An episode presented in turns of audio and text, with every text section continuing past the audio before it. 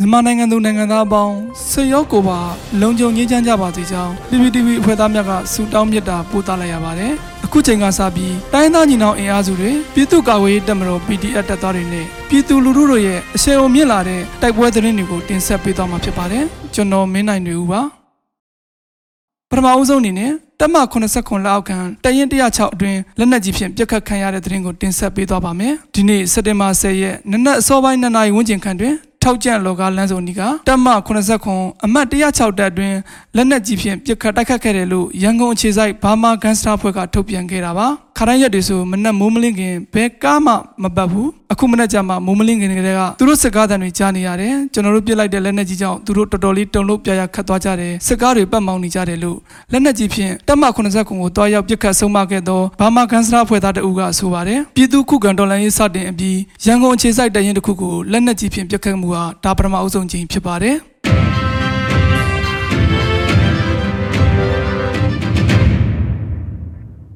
ဆက်လက်ပြီးဗိတ်တနိုးပြည်သူ့ကာကွယ်ရေးတပ်မတော်နှင့် FHC ရေစကြိုတို့က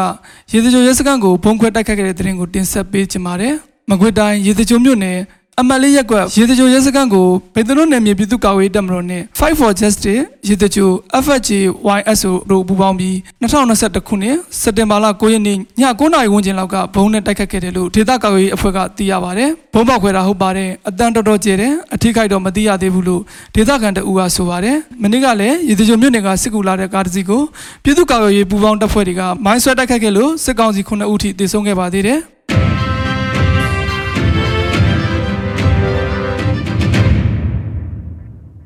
ဆက်လက်ပြီးအန်ယူဂျီအစိုးရကရေးပေါ်အခြေအနေကြီးညာချိန်ကစတင်ပြီးစစ်ကောင်စီကို64ကြိမ်တိုက်ခတ်ခဲ့ကြောင်းပြည်သူ့ကာကွယ်ရေးတပ်မတော်မန္တလေးတိုင်းစစ်ဌာနချုပ်အမည်ရလူမှုကွန်ရက်စာမျက်နှာကထုတ်ပြန်ခဲ့တဲ့သတင်းကိုတင်ဆက်ပေးပါမယ်။ပြည်သူ့ကာကွယ်ရေးတပ်မတော်မန္တလေးတိုင်းစစ်ဌာနချုပ်အနေနဲ့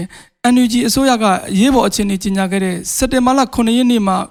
9ရက်နေ့အတွင်းစစ်ကောင်စီကို64ကြိမ်တိုက်ခတ်ခဲ့ကြောင်း Central Military Headquarter Mandalay Region PDF အမည်ရလူမှုကွန်ရက်စာမျက်နှာကထုတ်ပြန်လိုက်ပါတယ်။မန္တလေးတိုင်းတွင်ရှိခမ်းမတစ်ခု၊မိုင်းတက်တာဝါတိုင်း3ခု၊ရဲနစ်ရဲစခန်း10ခု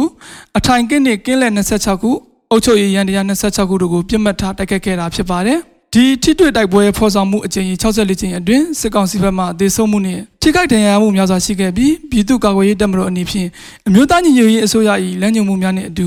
စစ်အာဏာရှင်ညီကုန်းချုပ်သည့်အထိပြည်သူလူထုကိုကာကွယ်ပြီးစစ်ကောင်စီကိုတိုက်ခိုက်ချေမှုန်းသွားမယ်လို့ပြည်သူ့ကာကွယ်ရေးတပ်မတော်မန္တလေးရဲ့ထုတ်ပြန်ချက်ထဲမှာဖော်ပြထားပါတယ်။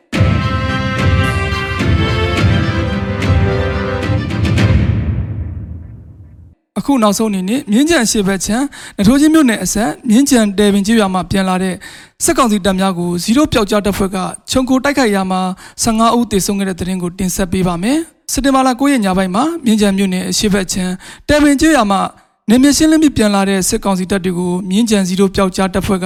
စောင်းစားတိုက်ခိုက်ရာမှာစစ်ကောင်စီစစ်သား15ဦးသေဆုံးပြီး12ဦးဒဏ်ရာရရှိခဲ့တယ်လို့သိရပါတယ်။ စစ်ကောင်စီကားကို RPG နဲ့ပစ်ခတ်အပြီးအလင်းအမြန်စုတ်ခွာနိုင်ခဲ့တဲ့အတွက်ဇီရိုပျောက်ကြားအဖွဲ့အနေနဲ့တစုံတရာအထိကိမရှိခဲ့ဘူးလို့အဖွဲ့ဝင်တအူးကဆိုပါတယ်